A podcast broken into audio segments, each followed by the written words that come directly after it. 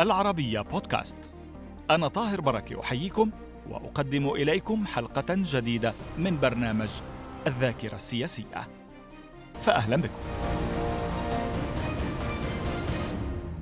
في الحلقة الأخيرة مع برنامج الذاكرة السياسية يكشف السفير المصري الأسبق لدى واشنطن عبد الرؤوف الريدي كيف عمل مع دوائر القرار في الولايات المتحدة من أجل إعفاء مصر من ديونها العسكرية البالغة وقتها سبعة مليارات دولار. تدخل الرئيس المصري الراحل حسني مبارك وقتها مباشرة مع عدد من أعضاء الكونغرس لنيل تأييدهم عند طرح مشروع القانون على التصويت. صدر القانون بشطب ديون مصر رغم معارضة 42 صوتا وخصوصا من ممثلي الولايات الزراعية. السفير الريدي يعود بالذاكرة أيضا إلى مؤتمر مدريد الذي انعقد في العام 91 لافتا إلى أن هذا المؤتمر كان في الأساس مطلبا عربيا من أجل بحث القضية الفلسطينية. إلا أن رئيس منظمة التحرير الفلسطينية ياسر عرفات أهمل مفاوضات مدريد كما يقول الريدي ودخل لاحقا في مفاوضات منفردة مع الإسرائيليين التي قادت إلى اتفاق أوسلو. وكشف الريدي أن الرئيس أنور السادات كان دعا عرفات إلى مشاركة الوفد المصري في مفاوضات مينا هاوس مع الإسرائيليين إلا أن عرفات رفض تلبية الدعوة.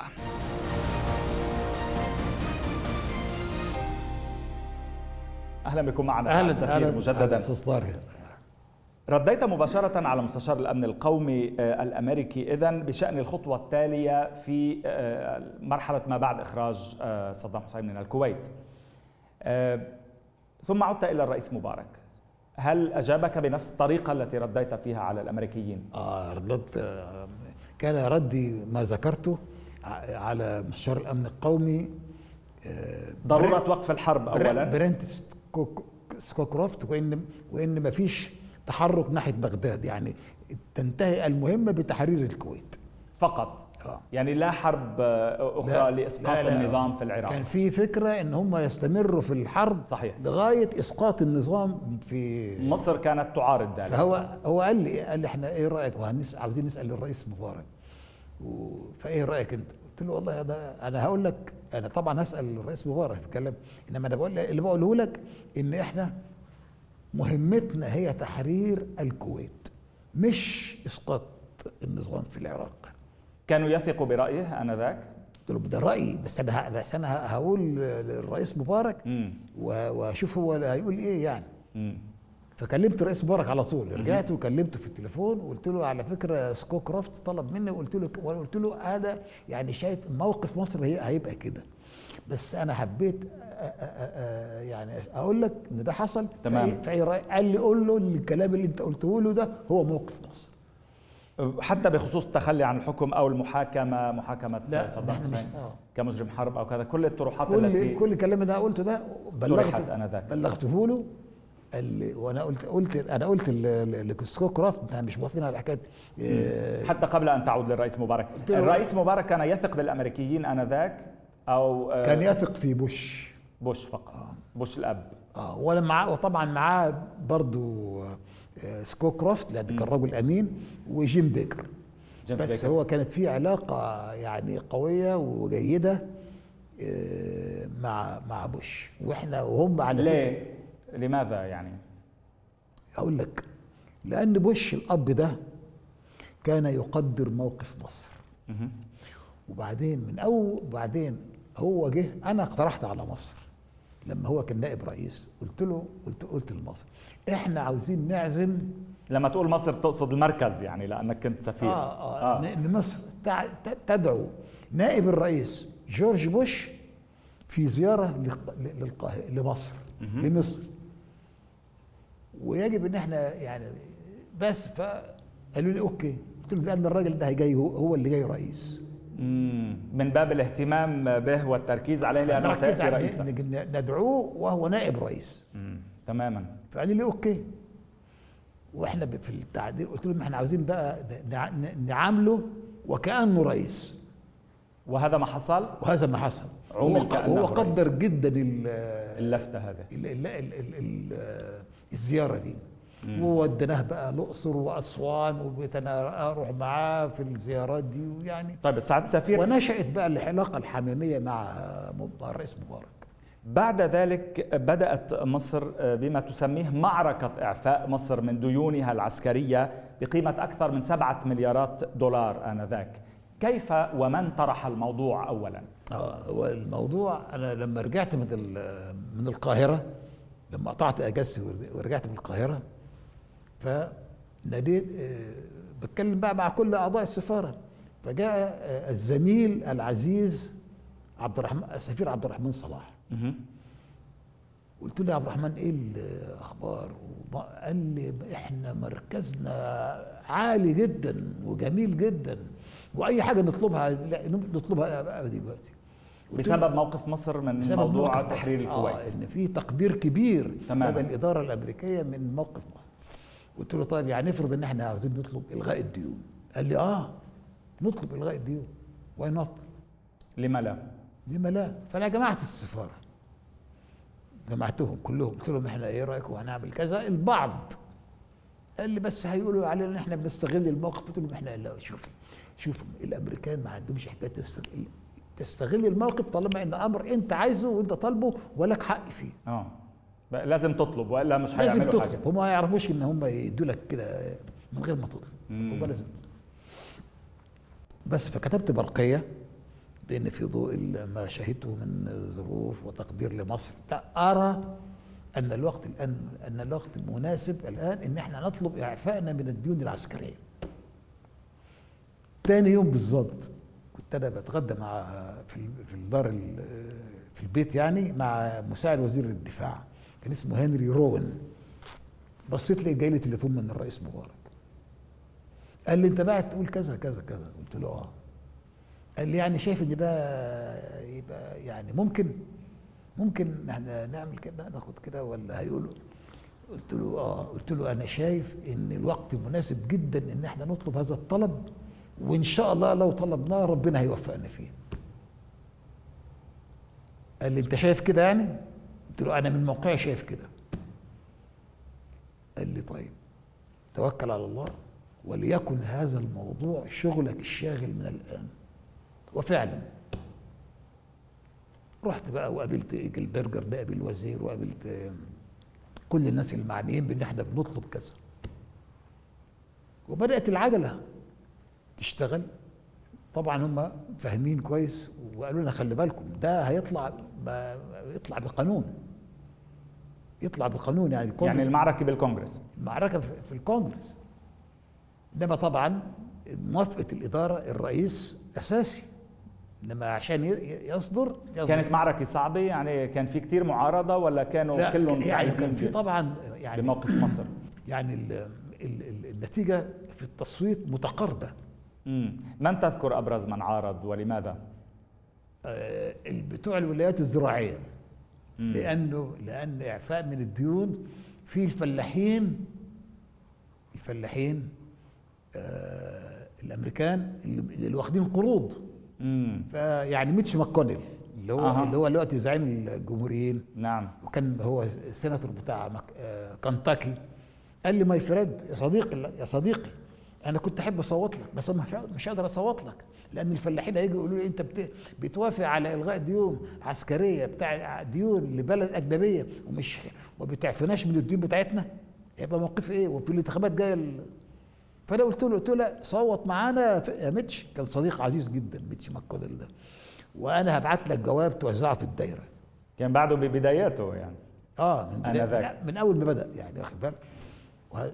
قال لي طيب بعت له جواب قلت له يا صديقي مش عارف إيه. مصر الآن عليها عبء كبير جدا بسبب الديون العسكرية الدهية بتاعت أمريكا وإحنا بنطلب إعفاء. حتى مصر عشان تكون الدولة القوية لازم الإعفاء الإعفاء الديون من الديون دي حتى تكون مصر قوية وبتقوم بدورها المطلوب الاقليمي والدولي. دورها الاقليمي هو كمان الموضوع بيعمل بسبب طبعا. عجز بالميزانية يعني كمان مش سهل على قال لي okay my friend هعمل كده فعلا نفذ صوت معانا. أنا كنت محتاج لصوت كل صوت كنت بشتغل عليه. آه. ولما كلمني يعني كلمني مرة مصطفى قال لي رئيس بيقول لك لو أنت عايز حد يجي لك يا هو بيفكر يبعت لك آه، عبد أبو غزاله بشير أبو غزالة وأشرف غربال اللي هو كذا. قلت له يبعت زي ما انت زي ما هو عايز. وبعدين حضرت له بقى أسماء. عشان يساعدوك يعني. يسا... يا قلت له قوي. ولا في يعني تانية؟ أي حد ممكن يساعد يجي. أنا ما ولا في أسباب تانية يعني لا لا عشان يبعتوهم؟ لا لا لا قال لي قال لي لو يعني لو أنت عايز يعني. قلت- له لا أنا أنا آه أنا موافق جدا. وبعدين ده قلت له وأنا عايز الرئيس نفسه يتكلم مع بعض الأعضاء. فقال لي طيب وقلت للرئيس نفسه قلت له ابعت لك كم اسم كده تطلبهم أنت شخصيا. سيناتور بوب دول اللي هو رئيس الجمهوريه اياميها سيناتور ليه بتاع مش عارف الاعتمادات العسكرية. المهم كان بيطلبهم فعلا. وكان يقول لي يقابلني في الكونجرس وهو ماشي يقول لي ambassador your president called me the other day مش عارف إيه. يعني رئيسك اتصل في هم اتصل يحبوا, بيه يحبوا الحاجات دي جدا؟ بس فقد كان. وخان أنا فاكر كان حاجة في مجلس الشيوخ يمكن كان حاجة بتاع 55 ل 42 ده من الذاكرة كده يعني انما هتلاقيها موجودة في الكتاب. 75 معانا و42 ما وافقوش كان بمثابة لو- انتصار لكم. لو طبعا. ولولا إن كان فيه الرصيد اللي إحنا عاملينه من يوم ما وصلت أنا واشنطن في نوفمبر 9 آه، 84 وأنا حاطط عيني على الكونجرس هم دول. وكان السفراء الزملاء يستغربوا لما كنا نخش سوا كل السفراء كل السيناتورز والكونجرس بيكلموني عارف نهايته مش عايز اقعد أقولها. هل أتت أكلها هل أتت أكلها هذه الخطوة على الصعيد المصري الداخلي؟ هل آه، يعني أثمرت شيئا حقيقيا بالتزامن مع ما كان يفترض إنه إصلاح اقتصادي يتم بعد إعفاء دولة من أحكي لك ديونها؟ بقى في جه- ديفيد أوبي آه، كان رئيس لجنه العمليات قال يجب إن الدول الثانية كمان مش بس يجب الدول الثانية تخفض نص ديونها على الأقل وقد كان كان في معركة كبيرة بقى الدول دي قالت السعودية والكويت لغوا الديون بتاعتهم لمصر بلا قيد ولا شرط الباقيين قالوا لا إحنا هنشترط إن يكون في برنامج يتفق على برنامج إصلاح اقتصادي يشارك فيه البنك الدولي وصندوق النقد نعم. الدولي بموضوع طلب أو اشتراط بعض الدول الإصلاح الاقتصادي على مصر، أيوة. كيف واجهتم هذه النقطة؟ آه إحنا عالجنا هذه النقطة كان أهم حاجة في مشروع الإصلاح الاقتصادي هو إلغاء دعم الطاقة واشتغلنا على الحكاية دي. وأنا كنت كل ما أقول للرئيس يا ريس مطلوب ده إلغاء دعم قال لي ألغي دعم الطاقة إزاي؟ ده, هم هيحرقوا لي البلد هم عاوزين إيه؟ على صندوق النقد والبنك الدولي. تماما. يعني هو كان مشترط إن لازم يبقى في اتفاق مع مع الاثنين فقلت له طيب ابعت لبوش يساعدونا في الحكاية دي. وبعت فعلا وساعدونا في العملية بتاعت إلغاء دعم الطاقة. اتعملت بشكل بشكل يعني ملطف ملطف مخفف. جدا. وبعدين أنا بقى من الحاجات اللي كنت أقول للرئيس قلت بقول له يا ريس دلوقتي إحنا لغينا سبعة مليار. وبعدين في ستة من السعودية والكويت اتلغوا. 6 مليار إضافية. 6 مليار. وبعدين في هيبقى 4 مليار تانيين من ال- ال- الدول اللي هي مشترطة الاتفاق مع صندوق النقد الدولي يعني وبعدين- صاروا 17 مليار. آه 17 كفاية يعني. بعدين إحنا بنطلب دلوقتي أنا بطلب من من من من, من إخواننا في وزارة الخزانة إن هم لازم يدونا جزء جزء من صندوق المع... ال- ال- الصندوق اللي معمول لمساعدة الدول المتضررة. وأنا أقول لهم إحنا أكبر ناس ضررنا العمالة بتاعتنا وقناة السويس وكل الحاجات دي. من غزو الكويت. بس فه... فه... يعني ديلار اللي هو بتاع مساعد وزير الخزانة. قال لي انت دلوقتي يا س- يا يا سعاده السفير انت عمال تطلب. انت دلوقتي لغاية دلوقتي واخد نص الصندوق ده. واخد 5 مليار. عايز إيه تاني؟ يعني ما فيش حد انت واخد أكتر من تركيا والأردن ومش عارف مين مجتمعين. قلت له إحنا اتضرينا قوي يا ريتشارد انت عارف يعني. واخد بالك في العلاقات الإنسانية اللي بتبنيها انت عبر الأعوام دي أساسية جدا. وفعلا حققنا إحنا حوالي حوالي 5 المجهودات الشخصية للمسؤولين في الخارج مهمة جدا ليس فقط الموضوع قرار سياسي وانتهى. يعني الأداء الشخصي مهم جدا للسفير ولل... وما تصنعه من صداقات. أنت الصداقات اللي أنا عملتها في على عبر خمس سنين لغاية ما جه إلغاء الديون ما كان موضوع إلغاء الديون ده يتم لولا إن لنا هذا الرصيد من الصداقات في الكونغرس. إلى ما أفضى كل ذلك على صعيد الاتفاق مع المجتمع الدولي. هقول لك هقول لك بقى بعد بعد سنة واحدة البنك المركزي بقى فيه 20 مليار دولار. بعد ما كان فيه بضعة مئات.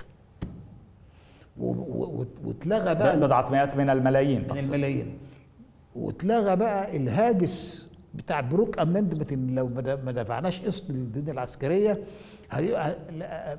هيتلغى حقنا في أخذ أي معونة من أمريكا.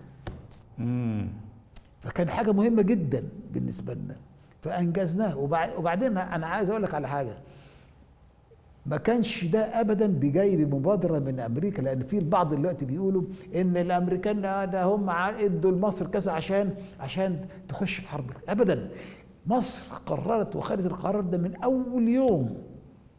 هو أنه لا يجب ابدا إن دولة تحتل دولة وتلغي السيادة بتاعتها وتلغي شرعيتها. لا. إحنا خدنا مصر خدت هذا الموضوع والشعب المصري كان سباق في هذا. واخد بالك؟ عموما كانوا بيقدروا ياخدوا الفلوس من الميل الثاني لو لو عايزين يعني. الاقتصادي في مصر تحسن جدا جدا. طبعا بعد كده بسنين بقى رجعوا ساءت الأمور. رجعوا لدعم الطاقة وبتاع يعني. دلوقتي الرئيس السيسي يعني بي بيصلح الوضع بتاع ال ال الاقتصاد و نعم. سعد سفير أفضت آه، كل آه، يعني تداعيات تحرير الكويت إلى خلق مناخ يهيئ لما عرف لاحقا بمؤتمر مدريد للسلام اللي صار في بدأت في مفاوضات السلام. كيف شهدت على ذلك؟ أنا كنت من من المجموعة كنت بشارك مع الأمريكية في وضع تصور لما يكون عليه الموقف في الشرق الأوسط. طبعا كنت على اتصال دائم مع مع مع القاهرة يعني في في هذا الموضوع. واتفق قلت لهم لازم يكون في مؤتمر دولي. يضع نظام للشرق الأوسط. مش بس حل مشكلة فلسطين حل مشكلة الميه المياه حل مشكلة البيئة حل مشكلة الأوضاع الاقتصادية حل مشكلة اللاجئين. كل ده قضايا لازم لازم تجد طريقها للحل في المنطقة بتاعتنا دي. تمام. انتهت هذه المفاوضات كلها إلى مؤتمر مدريد إلى إلى عمل مؤتمر مدريد. كيف تصرفت مع اللجنة اللي شكلها جيمس بيكر وقتها؟ آه توصلنا إلى إن يعقد مؤتمر دولي. قلت لازم إحنا كان مطلبنا مصريا وعربيا عقد مؤتمر دولي. امم فهي دي المناسبة. نعقد نطلب عقد مؤتمر دولي. واتفق على إن هذا المؤتمر الدولي هيكون في هنعقد في مدريد. تمام. وانعقد وكانت المشكلة الكبيرة هي التمثيل الفلسطيني. فاتفق على إن تمثيل الوفد الفلسطيني يكون مع وفد الأردني. صحيح. وكان وفدا مشتركا. وكان أو عبد السلام المجالي ربنا يديله الصحة كان هو يرأس الوفد بشقيه. وتذكر صائب عرقات الله يرحمه كان موجود في في الاجتماع بتاع اللي حصل في في مدريد وبوش راح مدريد. صحيح. وجورباشوف راح مدريد وكل رؤساء ورؤساء. أعطوا زخم دولي دفعة دولية زخم دولي كان كان حاجة عظيمة جدا مؤتمر مدريد ده. وبقى وبدأ, وبدأ آه في نقطة أنا كمان يعني نسيت أقول لك عليها. اتفضل. ومن ضمن الحاجات هي موضوع أسلحة الدمار الشامل. أسلحة الدمار يعني عشان يعني من الأمور اللي تعالج بمؤتمر آه دولي اقترحت على مصر إنها تعمل مبادرة بحظر مش مش بس حظر الأسلحة الدووية حظر كل أسلحة الدمار الشامل تمام. عشان ما يبقاش بس يعني من أبطل مفاعيل كل ذلك لاحقا؟ اللي حصل. وبدأ الشغل والأول والمكان المرة الوحيدة اللي حصل فيها إن إسرائيل يعني تقبلت مناقشة الأسلحة النووية بتاعتها وبتاع كان في في المؤتمر ده واخد بالك؟ وبعدين المؤتمر فقد الاهتمام من من الجانب العربي وفقد الاهتمام أساسا من الجانب الفلسطيني والجانب الفلسطيني بقى ساب هذا المؤتمر وراح أوسلو وعملوا الاتفاق بتاع أوسلو. يعني أنت واخد بالك. الآن العرب يطالبون بمؤتمر دولي. طب ما المؤتمر الدولي كان موجود؟ وكان موجود. ضيعوا الفرص كثيرا؟ كان موجود. ده خد مجهود و... وكانت الظروف مناسبة لأن جت بعد الحرب بتاعت تحرير الكويت وبتاع. يعني أنا أنا من الحاجات اللي أسف عليها طول الوقت. ضياع ضياع هذا المؤتمر الدولي. أوف. ثم العوده للكلام للمطالبة. قال لك اللي, بت... اللي العرب يتحملون مسؤوليه ذلك أو إسرائيل؟ مسؤولية عربية جماعية. بس الفلسطينيين يعني اللي هم اللي سابوا المؤتمر وراحوا الموضوع أصله ده. تمام آه المشاهدين الفلسطينيين حيقولوا إنه مصر فعلت ذلك اولا. يعني فرضنا إحنا إحنا عملنا ما إحنا جبنا الحل برضه. وهم هم هم حررتوا أرضكم. إخواننا الفلسطينيين رفضوا يجوا. لا بعتنا لهم دعوة لياسر عرفات إنه يجي مينا هاوس. رفض. في كل المبادرات دي رفض. يعني رفضوا يعني الجانب الإخوان الإخوان الإخوة الفلسطينيين حتى كلينتون لما جه بعد كده بعد بعد بوش بل كان في محاولة وقال وقال لعرفات إنه هي هيجيب حاجة بتاع 95% من الأرض. يعني حصل محاوله شوف تاريخ تاريخ قضية فلسطين للأسف أنه تاريخ الفرص الضائعة. الفرص الضائعة. للأسف. سعد سفير لماذا لم تأخذ وزارة الخارجية بعد كل هذا العمل الدبلوماسي آنذاك؟ كل زملائك ترقوا إلى وزاره يعني وزير خارجية بعد السفارة في واشنطن وحتى أحيانا إلى الأمانة العامة للجامعة العربية لاحقا. ما الذي حصل معك؟ حصل معك كل خير.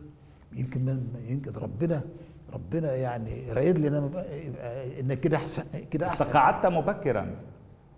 ما تقاعدتش أنا أنا مع مع زميلي محمد شاكر الله يرحمه أنشأنا المجلس المصري للشؤون الخارجية. مم. ليسد فراغا وكان في بالي المجلس الأمريكي للعلاقات الخارجية. ان إحنا نعمل حاجة على هذا النسق. وقد كان وموجود دلوقتي بيشتغل لغاية دلوقتي. ومكتبات مصر العامة كذلك. ومكتبات مصر العامة أنا جيت دخلت في مكتبه مصر العامة كان كانت مكتبة وحيدة. تحولت الآن إلى مشروع قومي. عملنا 21 مكتبة. من الوادي الجديد الواحات الخارجة للبحر الأحمر لمدينة مدينة الغردقة مدينة القصير.